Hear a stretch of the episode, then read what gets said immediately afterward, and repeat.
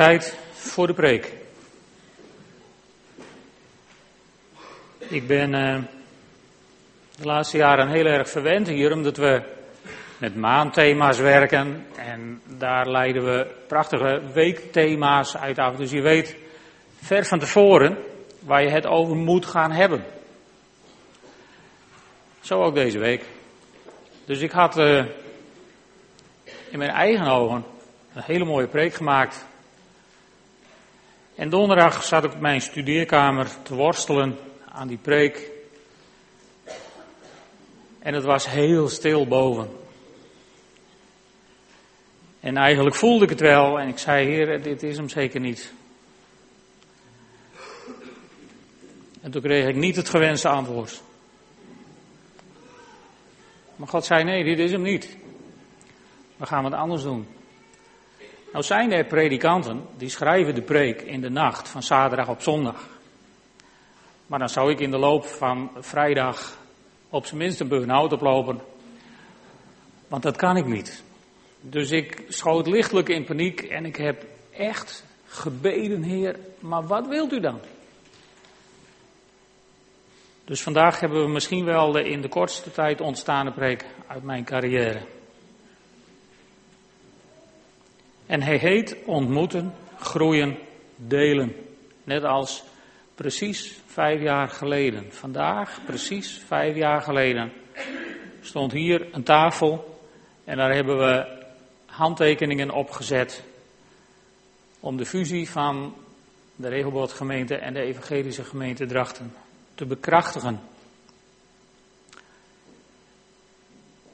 En ik had de absolute overtuiging dat ik daarover moest spreken vanmorgen. Ook over dezelfde Bijbeltekst uit Colossensen 1. En die wil ik ook met jullie lezen. Colossensen 1, vers 3 tot 12.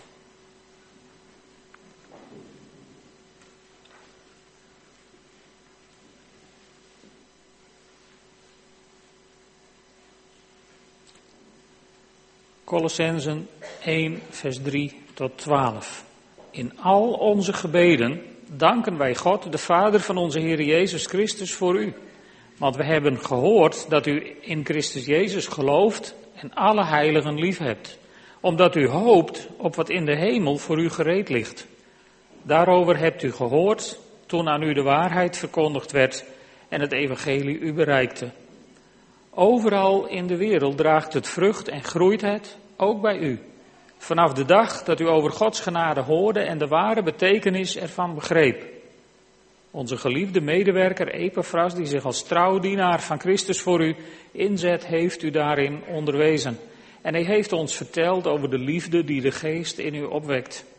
Daarom bidden wij onophoudelijk voor u vanaf de dag dat we gehoord hebben. We vragen dat u Gods wil ten volle mag leren kennen door de wijsheid en het inzicht die zijn geest u schenkt. Dan zult u leven zoals het past tegenover de Heer, hem volkomen welgevallig. U zult vrucht dragen door al het goede dat u doet. Uw kennis van God zal groeien en u zult door zijn luisterrijke macht de kracht ontvangen om alles vol te houden en alles te verdragen. Breng dus met vreugde dank aan de Vader. Hij stelt u in staat om te delen in de erfenis die alle heiligen wacht in het licht.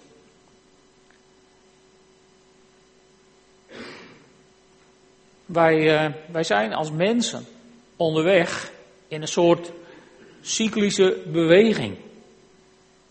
Iets wat zich voortdurend weer herhaalt. Een van die bewegingen hebben we net gezien. Mensen worden geboren, groeien op, worden volwassen, krijgen kindjes, en ergens eindigt ons leven hier op deze aarde dan ook weer. Maar dan zijn die kindjes inmiddels volwassen en misschien wel bezig om ook kindjes te krijgen. En zo is er een voortdurende cyclus van leven, geboren worden, leven en sterven. Maar dan is er alweer nieuw leven wat die cyclus voortzet. Daarom bestaat de mens nog steeds. Maar geestelijk gezien werkt het precies zo. In het paradijs, bij het begin van de, van de aarde, toen God de aarde net had geschapen, wandelde hij met Adam en Eva in de hof. En uh, daar hadden ze intens gemeenschap met elkaar. En door de zondeval kwam daar een eind aan. Maar die beweging is niet gestopt. Hij is wel zwaar beïnvloed daardoor en, en helemaal veranderd. Maar in het Oude Testament zie je af en toe zie je iets van die cyclus bovenkomen. Als je kijkt naar het verhaal van Noach in Genesis 6, daar, waar, waar de hele aarde zich van God heeft afgekeerd en dan is er één mens, hij wandelde met God. Hij zat in diezelfde cyclus. En dan een paar hoofdstukken later in Genesis, daar komen we Abraham tegen. En hij wandelde met God. Letterlijk zelfs vanuit zijn ene woonplaats naar zijn nieuwe woonplaats. En, en later komen we Mozes tegen. Mozes die als groot leider een wandel met God kende, zoals niemand voor hem. En volgens de Bijbel is er ook na hem nooit weer een profeet als Mozes geweest. Zo waren ze er dus in het Oude Testament. Maar op een of andere manier had God er niet genoeg aan om zo af en toe in de geschiedenis één mens te hebben om mee te wandelen. En daarom kwam hij persoonlijk naar deze aarde als de persoon Jezus Christus om met ons te komen wandelen op deze aarde, om de weg vrij te maken, waardoor ieder mens in de naam van Jezus de mogelijkheid heeft om weer te wandelen met God. Om, om, let op, om persoonlijk zijn stem te verstaan. Ook om zijn woord, de Bijbel natuurlijk te lezen, maar het gaat veel meer om, om de persoonlijke relatie met die God. Luister je naar zijn stem en hoort hij, als je aan het bidden bent, ook jouw stem? Is er communicatie? tussen u en God. Want daar staat en valt een relatie mee. En dat is wat God wilde herstellen. En, en zo kwam hij op deze wereld. Hij koos, toen hij op deze aarde wandelde, een aantal mensen om met hem te wandelen. Zijn discipelen. En zij wandelden drie jaar lang met hem over het oppervlak van deze aarde. En na die drie jaar jong en onervaren als ze nog waren, gaf hij hen die grote opdracht om de wereld in te gaan, het evangelie te verkondigen, mensen te dopen en hen te leren onderhouden al wat ik u bevolen heb, zei hij tegen zijn discipelen.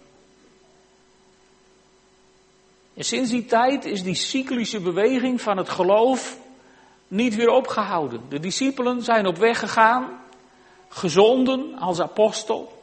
Ze hebben het evangelie verkondigd.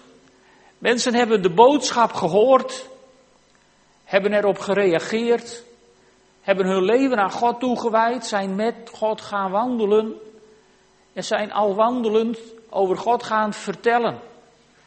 En zo hebben ze nieuwe generaties met het evangelie in aanraking gebracht. En ook die zijn weer opgegroeid, volwassen geworden en zijn gaan vertellen. En zo is de cyclus alsmaar bezig geweest. En dankzij de gehoorzaamheid van al die mensen die ja hebben gezegd tegen, tegen die stem van God. En die, die het evangelie zijn gaan verkondigen. Dankzij al die mensen wordt ook vandaag het evangelie nog verkondigd. Het is nooit gestopt. Het is altijd maar doorgegaan. En dat was een cyclus een cyclus van ontmoeten, groeien en delen. De missie van deze gemeente. Ontmoeten, groeien en delen. Daarom kwam Jezus naar deze wereld om de mensen te ontmoeten. En zij die Hem hebben ontmoet, gingen groeien in de kennis van Hem, maar vooral ook in de relatie, in de gemeenschap met Hem. En, en daardoor ging er uit hun binnenste een rivier vloeien, een stroom van levend water, zoals Jezus het zelf noemde in Johannes 7, vers 38. Een stroom van levend water, vloeit dat uit uw binnenste? Of als je misschien nog zoekende bent, Jezus niet persoonlijk kent, komt u mensen tegen uit wie een rivier, een stroom van levend water lijkt voort te komen? Vera en ik waren gisteren op een, studiedag over missionair gemeente zijn. En daar kreeg je toch de indruk dat, dat heel veel christenen nou niet direct die stroom van levend water zijn. Maar dat er zelfs christenen zijn die eerder een stroom van rioolwater zijn. Wat mensen niet direct aantrekt om te denken, nou yes, laat ik eens besproeid worden door die rivier. Laat ik mij eens voegen in zo'n gemeenschap. We hebben het als kerk dus niet altijd even goed gedaan. Want Jezus' droom was toen hij dit zei tegen zijn discipelen, dat iedere christen zoveel levendbrengend water om zich heen zou verspreiden, dat mensen met wie je in aanraking komt tot leven zouden komen. En daarin hebben we nog een hoop te doen. Daarin zijn we er na die vijf jaar absoluut nog niet. Delen in de heerlijkheid van Jezus met andere mensen. En uh, het mooie is dat Jezus dat wel van ons vraagt. In Matthäus 11, vers 29 zegt Jezus dat we bij Hem moeten komen om Hem te ontmoeten en van Hem mogen leren, dus in Hem groeien. En dan kunnen we in de grote opdracht delen met andere mensen. En Paulus noemt in dit stukje, waar hij dankt voor de gemeente in Colosse, hij dankt dat ze in Christus geloven en dat ze de heiligen lief hebben, dat ze hun hoop hebben gevestigd, niet op hun aardse bezit en hun aardse verworvenheden, maar dat ze hun, hun ultieme hoop hebben gevestigd op dat wat er later voor hen gereed ligt in de hemel. Omdat ze zo in het leven staan dankt hij God voor deze gemeente. En hij zegt dat het evangelie draagt overal in de wereld vrucht en het groeit ook bij u. En weet je, die boodschap is vandaag de dag nog net zo actueel dan 1900 jaar geleden, toen dit misschien wel zo'n beetje geschreven is, of net iets later. Misschien denk je, oh ja, en die leegloop in de kerk, en dan waar ik over lees, ja, dat lees je in Nederland, dat lees je in, in West-Europa over het algemeen. Maar je moet dus kijken wat er op de rest van de wereld gebeurt. Per saldo op deze aarde groeit het christendom nog steeds in een, in een gigantisch hoog tempo. En het lijkt wel, hoe hoger de druk is, hoe harder het groeit.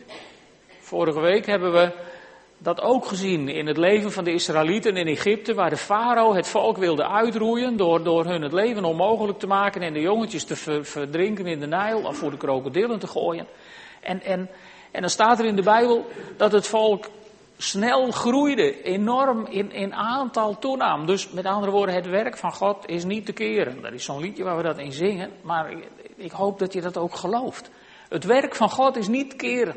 Ondanks wat er op dit moment in West-Europa aan ontkerkelijking en secularisatie misschien wel gebeurt, het werk van God is niet te keren. Er komen in landen als China en Iran en zelfs Noord-Korea, als je, als je die zwaar vervolgde landen bij elkaar optelt, daar komen per dag meer mensen tot geloof dan er in het rijke West-Europa van het geloof afraken. Per saldo slaat dat evangelie, grijpt het nog steeds om zich heen. Alleen wij willen natuurlijk niet in de, in, in de hoek zitten waar we per saldo inleveren. Daar mogen we niet blij mee zijn, niet tevreden. En daarom is het goed om zondags bij elkaar te komen, ons te buigen over het woord van God, maar ook om na te denken over hoe je daar nu mee de wereld ingaat. Een van de mensen die door Paulus wordt genoemd, die de wereld is ingegaan met het evangelie, was Epaphras. Epaphras, een jongeman die ergens Paulus heeft ontmoet. Waarschijnlijk in Korinthe.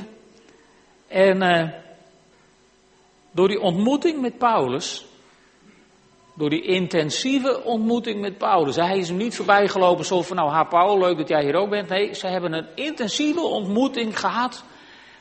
En omdat Paulus deelde uit zijn hart over wat hij met de Heer Jezus beleefde, wat hij met God meemaakte, is Epaphras tot geloof gekomen. En hij is een tijd bij Paulus gebleven. En dan denk je, nou wauw, bij een groot geestelijk leider verblijven. Dat is de droom van ieder aankomend geestelijk leider. Van als ik maar met die of met die, geweldig. Nou, voor Epaphras was het niet zo leuk. Want het meest bekende wat we weten van Epaphras is dat hij met Paulus in de gevangenis heeft gezeten. Dat geeft je wel veel tijd om met elkaar te praten overigens, want een hele hoop andere dingen hoef je dan gewoon niet. Dus misschien heeft het ook zijn voordelen om je te laten opsluiten met een groot geestelijk leider waar je wat van zou willen leren. Maar het was Epaphras zijn keuze in ieder geval niet. Maar hij bracht tijd door met Paulus in de gevangenis. En toen ging hij waarschijnlijk terug naar huis. De streek van zo Colosse en die omgeving daar in het huidige Turkije. En daar ging hij delen. Hij had Paulus ontmoet. Hij was in Paulus' aanwezigheid gegroeid.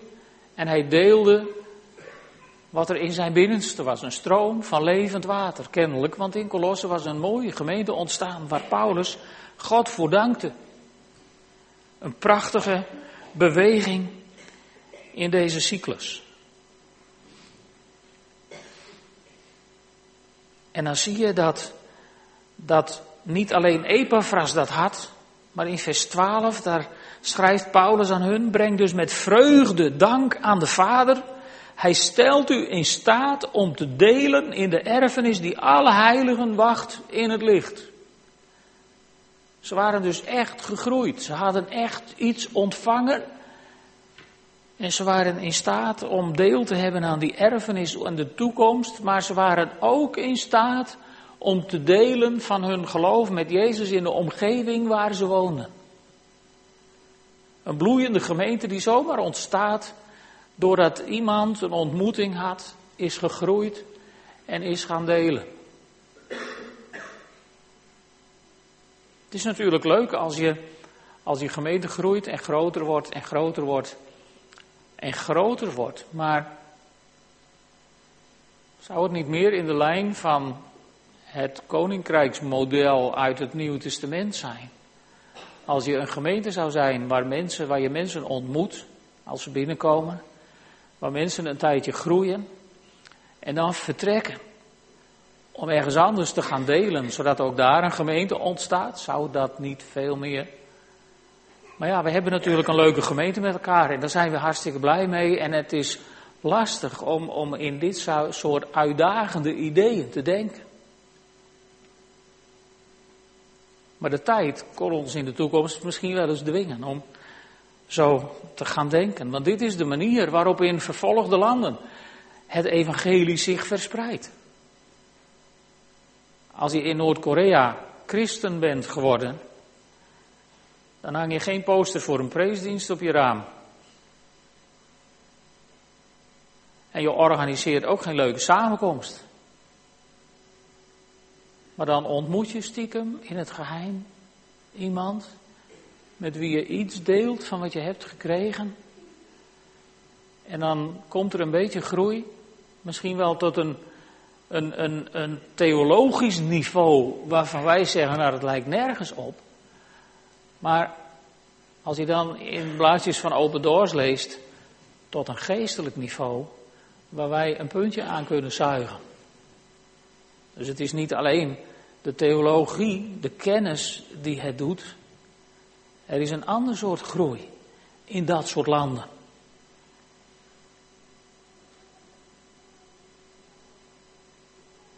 Goed.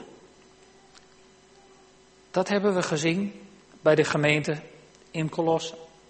Dat is ook wat we, wat we als droom hebben in deze gemeente, waardoor de missie is ontstaan die hier zo prachtig achter op de venster staat. We willen open zijn om mensen te kunnen ontmoeten. En vandaag in zo'n dienst waarin je kindjes opdraagt en natuurlijk familie en vrienden aanwezig zijn, is die kennis er extra. Om elkaar te ontmoeten. We hopen ook dat u straks de tijd even neemt om, om mensen te ontmoeten. We hebben apart gebak voor u bij de koffie, zodat u verleid kunt worden om hier misschien net iets langer te blijven. Ja, je moet ook listig te werk gaan. Naast dat ontmoeten willen we ook graag, dus we willen open zijn om mensen te ontmoeten. En we willen mensen ook graag een thuis bieden, zodat ze veilig kunnen groeien. Veilig meer kunnen leren over Jezus, zich kunnen ontwikkelen, hun gaven en hun talenten die ze van God hebben gekregen, kunnen inzetten in een veilige omgeving. En we willen een open thuis zijn, waar mensen niet worden opgesloten, maar van waaruit mensen ook uit kunnen gaan om het evangelie te verkondigen en te dienen op andere plekken. En het is mijn voortdurend gebed dat God ons de wijsheid en de genade wil geven om, om dat ook de komende vijf jaar weer waar te maken. Zodat we op het volgende lustrum terug mogen kijken en ons mogen verblijden over de geweldige dingen die God heeft gedaan. Want het is, het is goed. De Bijbel zegt wel dat je niet geschikt bent voor het koninkrijk als je voortdurend achterom zit te kijken. Nou, dat doen we ook niet. Maar het kan ook geen kwaad om af en toe eens even een pas op de plaats te doen. Even de ploeg stil te zetten. En rustig eens even naar achterom te kijken. En dan je zegeningen te tellen. Kent u dat oude lied, tel uw zegeningen? Weet je wat ik het mooiste stukje vind uit het oude lied? De drie woorden die daarna komen, één voor één. Want als je je zegeningen één voor één telt, heb ik geleerd, dan heb je geen tijd meer voor een hele hoop andere toestanden. Mijn ervaring is dat ik minder zeur naarmate ik mijn zegeningen één voor één tel. Dat zal Nederlandisch wel niet kloppen, maar het is belangrijk om je zegeningen te tellen. Eén voor één. En God te danken voor de zegeningen die je hebt ontvangen, voor de goede dingen die je hebt mee mogen maken. Ik ga even een vraag in jullie midden gooien. In de Sifra heb ik het uh, opgeschreven dat er 67 mensen lid zijn geworden sinds we vijf jaar geleden de handtekening zetten. En nu, nu heb ik even een vraag. Iedereen die na 10 juni 2002 lid is geworden van deze gemeente, wil die even gestaan? Nou moet je misschien even rekenen. Na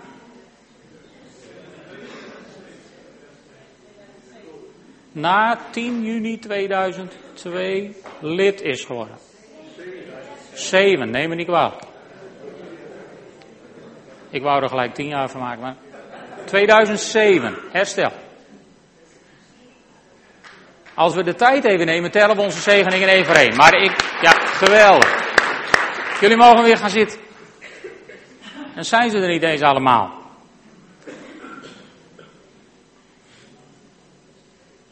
Al die mensen die brachten ook nog een hele hoop kinderen mee. Een stuk of dertig, schat ik. En uh, er zijn 31 kinderen geboren. In de gemeente. Dan tel ik de kinderen van vaste gasten, zeg maar, die tel ik niet eens mee. 31. Zijn we niet rijk gezegend? Zijn ook acht stellen getrouwd in die vijf jaar. Prachtig. En er zijn dertig mensen gedoopt. Dat hadden er mij een keer zoveel mogen zijn. Of drie keer zoveel. Ik, daar, daar wil ik niet kinderachtig in doen. Dat... Maar goed, daar weten jullie mijn ideeën over. En er overleden vijf gemeenteleden in die jaren. En als ik voorgangers ontmoet, dan hebben we het vaak over de dingen die je doet, over hoe druk je het hebt. En dan zijn er erg veel voorgangers die hebben het ontzettend druk met begrafenissen. En dan durf ik het eigenlijk nooit te zeggen. Want dan denk ik op het moment dat je het zegt, dan verandert het misschien wel. Maar, maar soms zeg ik het wel eens tegen mensen met wie ik wat een, een diepere relatie heb, als collega's. Ja, ik heb nog maar vijf overlijdens gehad in de gemeente. Daarvan heb ik er zelf maar vier begrafenissen gedaan. Daar heb ik dus niet zoveel ervaring in. En het mag om mij zo blijven, begrijp me goed. En natuurlijk in een gemeente die open thuis pretendeert te zijn, komen niet alleen mensen binnen. Er gaan ook mensen weg. Ongeveer 30 mensen hebben in de afgelopen vijf jaar de gemeente verlaten. De helft omdat ze verhuisden naar elders in het land. En de helft omdat ze een andere gemeente vonden die beter bij hen paste. En nou zijn wij misschien een hele gekke, nou, gekke gemeente. Nee, laat ik het persoonlijker houden. Ik ben misschien een hele gekke voorganger. Maar ik vind het helemaal niet erg als iemand zegt: joh, ik heb een gemeente gevonden die beter bij mij past. Wij hebben zelfs hier het beleid om mensen dan aan te bieden om ze met een zegen te laten vertrekken. Net zo goed als we ze met gebed en een zegen binnenhalen. Want het gaat niet om ons. Het gaat niet om dit gebouw met dat prachtige logo daarvoor op de gevel. Absoluut, ben ik hartstikke trots op. Maar het gaat niet om ons. Wij willen een gemeente zijn die Jezus Christus volgt. Daar gaat het ons om. En dat kan hier, maar dat kan ook op talloze andere plekken. Hier in Drachten, daarin is Drachten een, een rijke plaats. Met veel gezinnen van God die samenkomen op hun eigen manier, met hun eigen liederen, met hun eigen decibellen en hun eigen instrumentarium. En dat mag. Prachtig. Maar weet je, als je zo terugkijkt, dan realiseer ik me aan de andere kant ook heel goed dat er mensen met een zekere weemoed terugkijken. Naar vijf jaar geleden of naar misschien nog langer terug. Want de gemeente waar velen van ons bij horen voor de fusie, die gemeente is niet meer. Die is opgegaan in de evangelische open thuisgemeente. En uh, die evangelische open thuisgemeente van vijf jaar geleden is niet meer de evangelische open thuisgemeente van nu. Want een gemeente is een levend organisme wat voortdurend aan vernieuwing en verandering onderhevig is. En ik zeg het ook vaak, telkens als één mens, nieuw iemand lid wordt van deze gemeente, veranderen we een heel klein beetje. En, en 67 van die kleine beetjes in vijf jaar is voor sommigen misschien wel wat veel van het goede. Dat zou kunnen. Maar de, de, gemeente wordt in de Bijbel vergeleken met het lichaam van Christus. En die vergelijking die gaat verder dan alleen maar aan te tonen dat we allemaal bij elkaar horen. Een gezond lichaam wordt van dag tot dag vernieuwd. Alle cellen in uw lijf worden binnen een zekere cyclus van, van, ik weet niet precies hoe lang, maar alle cellen in uw lichaam worden met een zekere regelmaat vervangen door nieuwe. Vernieuwd. En u groeit. Sommigen zijn daar blij mee en anderen niet. Maar elk lichaam is aan verandering onderhevig. En mijn lijf is niet meer hetzelfde lijf dan vijf jaar geleden. Sommige mensen denken dat zie ik wel, maar ik hoop dat u begrijpt wat ik bedoel. En de Bijbel, die, die geeft daar een heel aantal Bijbelteksten over en, en die wil ik tot slot even met jullie bij langs.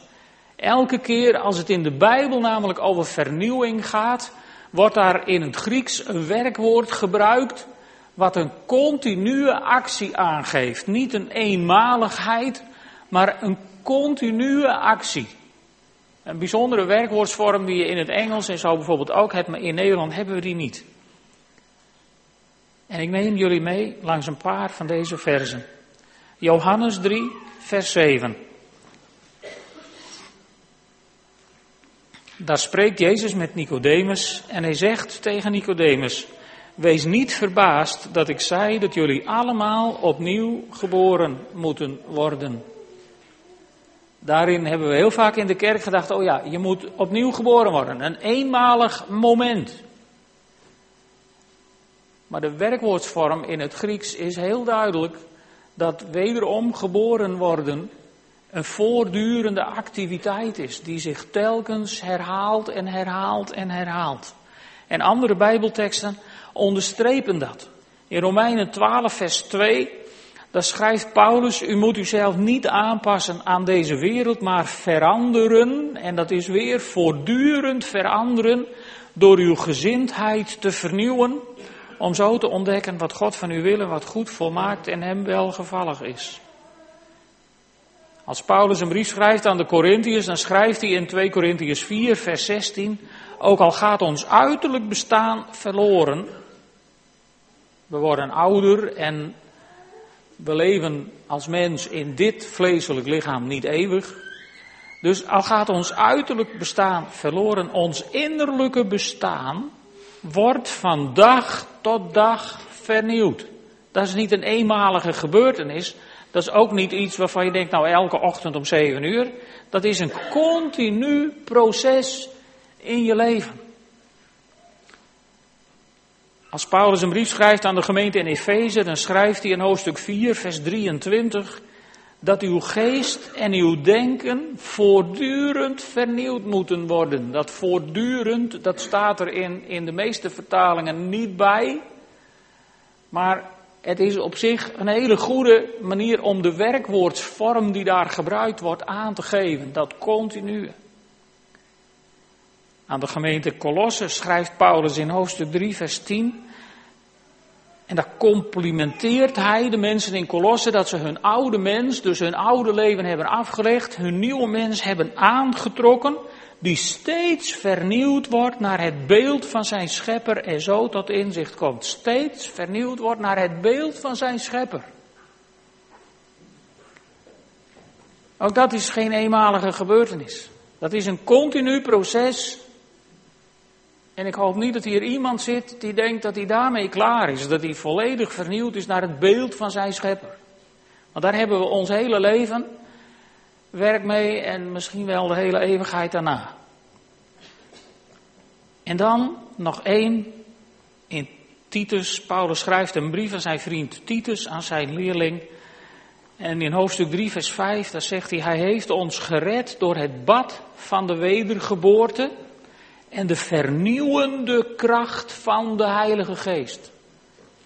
De vernieuwende kracht van de Heilige Geest. Het is misschien bijna eng als u hangt aan traditie en denkt van nou laten we vooral houden wat we hebben. Als je altijd wilt houden wat je hebt en je wilt ook de Heilige Geest, dan ontstaat daar een conflict tussen de behoudende verlangens van ons hart en de vernieuwende kracht van de Heilige Geest. Die, die, die, die ontmoeten elkaar voortdurend. En ik hoop dat die vernieuwende kracht van de Heilige Geest de komende vijf jaar in uw leven, in mijn leven, in dit huis, in deze gemeente, de ruimte krijgt om ons verder te leiden.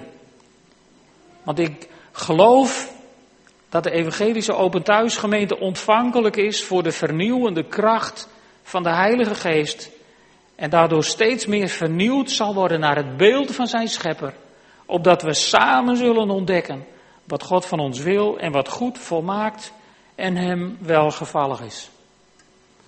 Want lieve vrienden, we hebben elkaar de afgelopen vijf jaar uitvoerig ontmoet. Maar telkens komen er nieuwe mensen waar we blij mee zijn, waar we ons over verheugen. Maar daardoor raak je dus nooit uit ontmoet.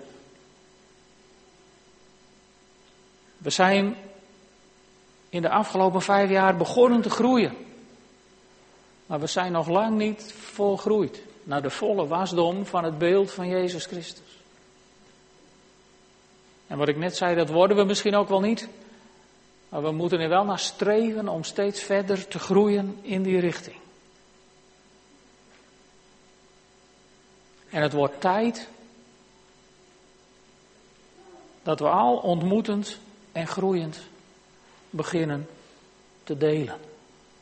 Voor het geval u daar nog niet mee was begonnen in uw leven.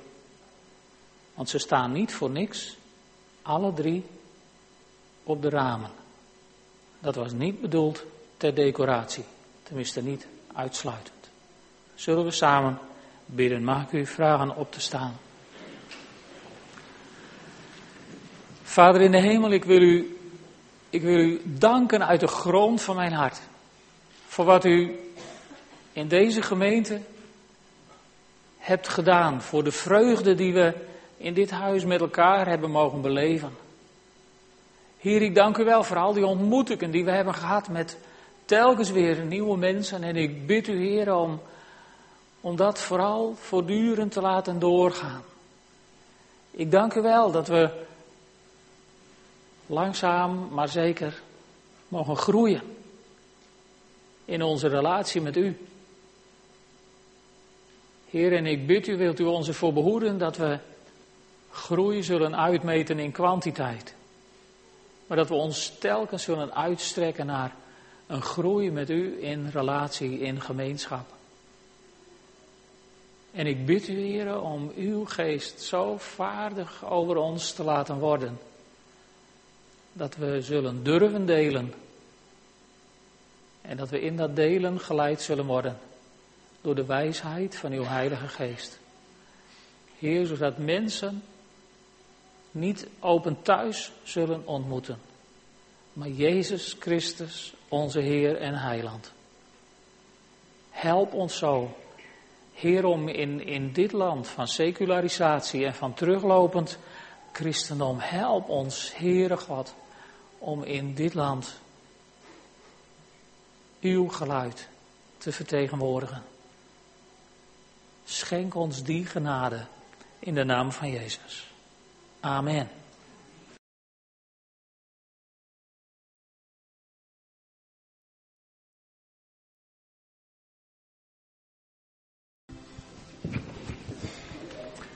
Goedemorgen allemaal.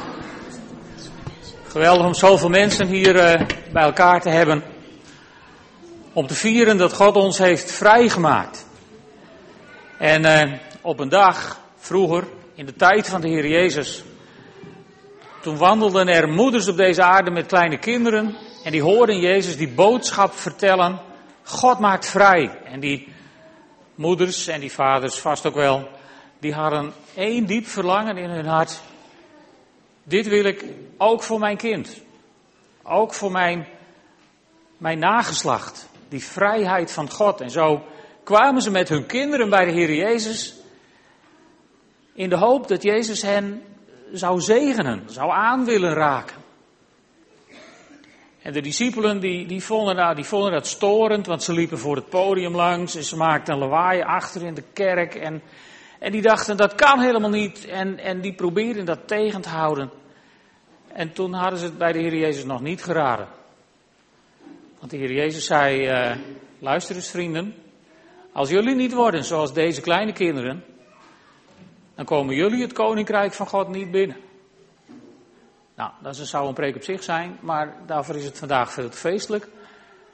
We willen vandaag twee kinderen opdragen. Omdat er opnieuw vaders en moeders zijn die zeggen, goh, dit zouden wij ook willen voor ons kind. Dat ze worden aangeraakt door Jezus. En daarom wil ik Henk en Damaris en Cor en Fiona vragen, waar zijn jullie gebleven? om hier te komen en Klaas als oudste van dienst. We gaan de kinderen zegenen. En het is bij ons een goede gewoonte, tenminste dat vinden wij goed, om ook voor de ouders te bidden. Want kinderen krijgen is geen vanzelfsprekendheid, maar een hele grote genade. En kinderen opvoeden. Ja, nee, dat is geen heksentoer, dat is de occult, maar het is wel iets waar je heel veel zegen van de Heer bij nodig hebt. Dus we gaan ook bidden voor de vaders en moeders dat ze de wijsheid van God zullen krijgen om dat tot een goed einde te brengen. Gaan beginnen met Jedaja. Zouden ze dat durven? Ja, vast wel. Kom eens. Ik ben heel aardig. Ja. Dit is Jedaja, maar dat wisten jullie al lang.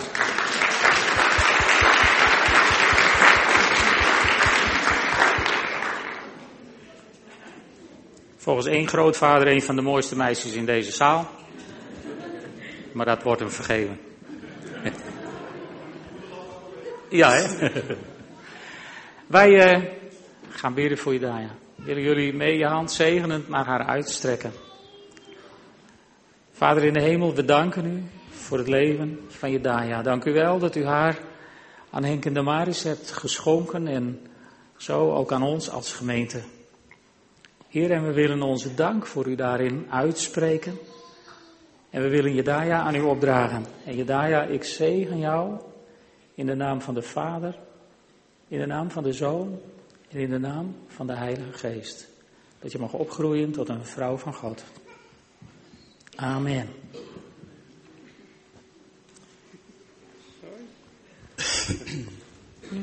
Gaat prima met ons. Zullen samen bidden voor de ouders? Vader in de hemel, wij willen zo met uh, Henk en de Maris en hun gezin voor u aanzien.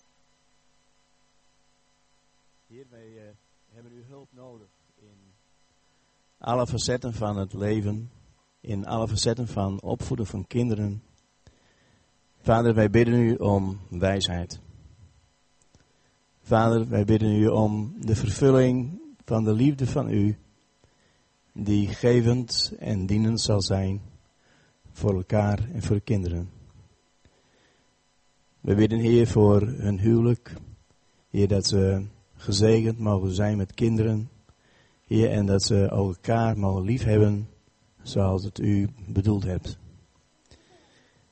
Heer dat ze een veilig thuis zullen bieden en kunnen bieden aan hun kinderen. Heer, hoe, uh, hoe noodzakelijk is dat, Heer, om kinderen een veilige plaats te kunnen geven. Heer, om als persoonlijkheid te kunnen uitgroeien. Heer, we bidden u ootmoedig om uw zegen daarover.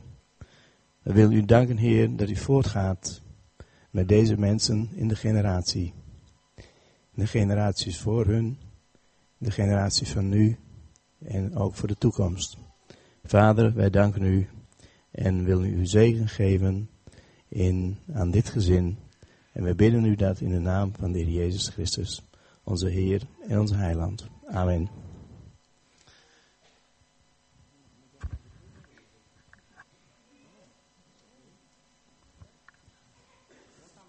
Voor uh, Kik Bosma. Ja, zo'n powernaam, hè? Maar uh, ja, we gaan nog wat, uh, er hangt nog wat extra's aan dit opdragen. Want vorige week zei Fiona, goh, ik wil me ook graag aansluiten bij deze gemeente. Zou dat niet in één keer mee kunnen? Nou, wij zijn een praktisch ingestelde gemeente, dus waarom niet? Maar wij zijn gewend als iemand zich bij ons wil aansluiten, dat we even horen van waarom. En we willen ook graag weten natuurlijk wie je bent en wat Jezus voor je betekent. Het podium Nou. is van jou. Ehm, ik ben vorig jaar eh, ben ik al gedoopt, dus toen eh, heb ik al het een en ander verteld. Maar eh, ik wil nu kort nog wel even wat vertellen. Ik ben eh, Fiona Bosma, ehm, net 27 geworden, de vrouw van Cornelis. En eh, dit kleine drukteschoppetje Kik is ons zoontje. Ehm, nou, ik heb me vorig jaar eh, in januari heb ik me hier laten dopen en toen heb ik ook verteld ehm, waarom ik dat heb gedaan. Ik heb gewoon heel erg duidelijk God en Jezus in mijn leven ervaren. Maar ja, dan denk je van, nou ja, dat is al zo'n wonder. eh, nu hebben we alles gehad. Maar ook, eh, nou, kort geleden, we zijn bezig met een huis kopen. En eh, ja, dat is toch wel een hele grote beslissing. En daar heb ik ook wel weer Gods hulp bij gevraagd. En in januari waren we bezig met een huis wat ik echt heel erg leuk vond. Maar Cornelis moest er nog een beetje aan wennen. Waarop ik gewoon dacht van ja, weet je wat de kortste klap is? Ik ga gewoon God vragen. God, is dit huis voor ons prima?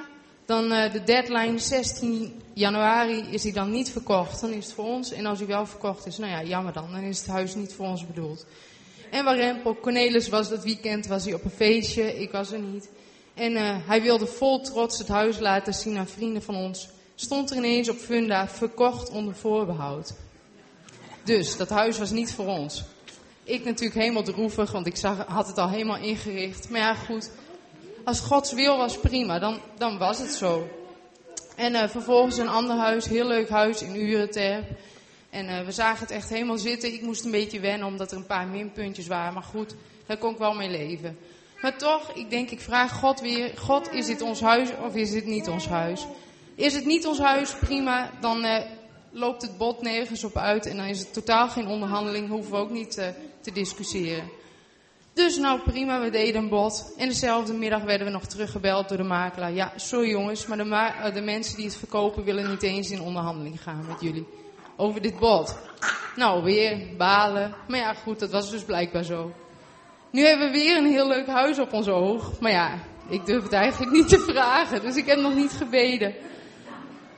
Maar goed, ik denk dat dit wel gewoon. Um, ja, ondanks wat ik natuurlijk allemaal al heb meegemaakt. Ik denk dat je altijd bij God mag blijven komen. Zelfs voor grote dingen. Zoals een huis kopen, maar ook zo'n klein ding. Hij blijft gewoon in je leven en hij blijft gewoon uh, voor je zorgen. Oké, okay, dankjewel. Dankjewel. Nou, kom maar. Hoi. We gaan bidden voor Kik. Ja, dat ben jij, hè? En daarna gaan we bidden voor Cor en Fiona. Willen jullie weer mee je hand zegenend uitsteken? Heer, we danken u voor deze prachtige jonge man. Dank u wel, Heer, dat u hem aan Cor en Fiona hebt toevertrouwd, zodat zij je mogen opvoeden. En Heer, we willen hem ook als gemeente omarmen. En u bidden, Heer, wilt u ook de crash en het kinderwerk in het bijzonder leiden als ze zorg dragen voor onze kleintjes. Heren, zodat ook ons stukje verantwoordelijkheid daarin mag worden ingevuld. Hierin, daarin dragen we Kik aan u op. En Kik Bosma, ik zegen jou in de naam van de Vader, in de naam van de Zoon en in de naam van de Heilige Geest. Amen. Spannend in die microfoon, ja.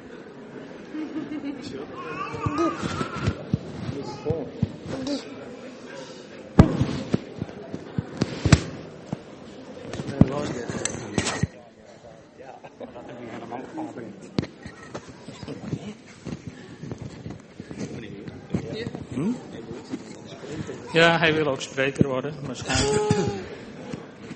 Wie weet waar hij ons in de toekomst nog mee verrast. Hè? Goed, we gaan voor jullie bidden. Vader in de hemel, wij uh, komen zo samen hier met uh, Fiona en Cornelis voor uw aanzicht. Samen met Kik. Heer, u hebt hun nieuw leven geschonken, u hebt hun aan elkaar verbonden. Wij danken u ervoor en wij willen bidden, Heer, om een zegen voor deze jonge mensen. Die zo in geloof ook stappen doen en durven doen. Heer, en soms begrijpen we dingen niet helemaal. Maar wij verwachten van u, Heer, dat u er een doel mee heeft. Heer, zo willen we ook voor hen bidden. Wilt u hen uh, behoeden en bewaren. En wilt u hen versterken in het allerheiligst geloof in u. Heer, dat u hun weg en hun leven zult leiden. Heer, zo willen we ook uh, een zegen bidden over hun huwelijk. Heer, en ook dat zij een, de liefde van u zullen ervaren, ook voor elkaar. Heer, dat ze dienend en zorgend voor elkaar en voor de kinderen die u hen hebt gegeven.